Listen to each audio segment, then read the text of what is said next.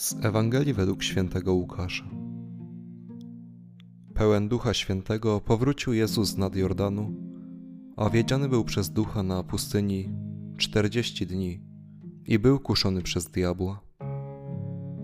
Nic przez owe dni nie jadł, a po ich upływie poczuł głód. Rzekł mu wtedy diabeł: Jeśli jesteś synem Bożym, powiedz temu kamieniowi, żeby stał się chlebem. Odpowiedział mu Jezus: Napisane jest: Nie samym chlebem żyje człowiek.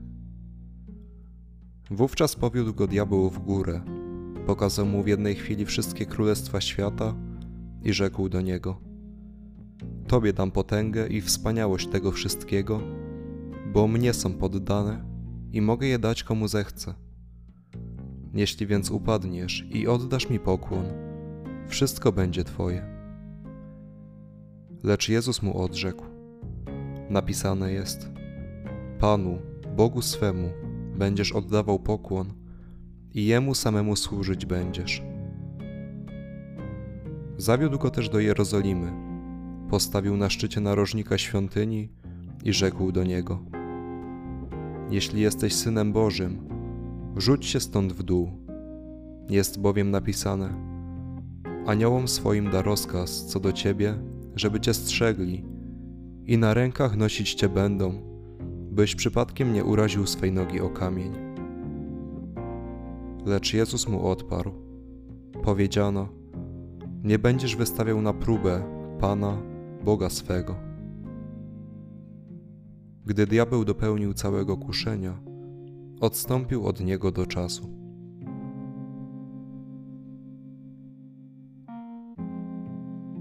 Nie samym chlebem żyje człowiek. Człowiek współczesny jest nastawiony na gromadzenie i jak najlepsze ustatkowanie się majątkowe. Swoje zachowanie motywuje w różny sposób.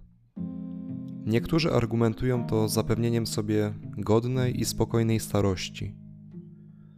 Inni chcą zagwarantować swoim dzieciom dobry start w dorosłe życie. A jeszcze inni Żyją w przeświadczeniu, nie wiadomo co będzie jutro, więc lepiej być ostrożnym.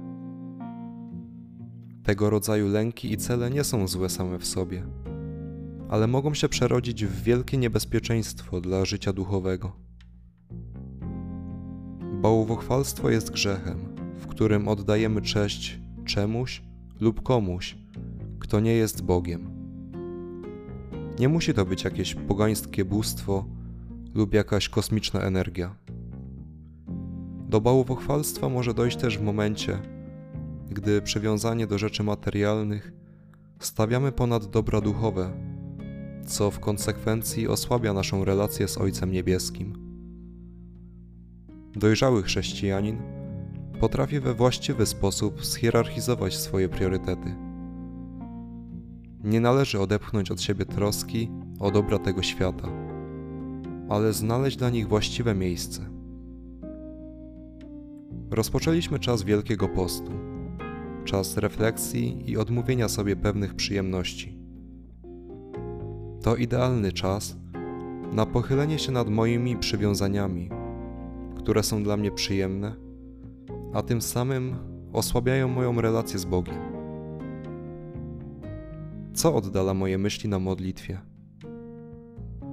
Czy potrafię postawić granicę między tym, co jest chlebem ziemskim, a tym, co jest chlebem niebiańskim?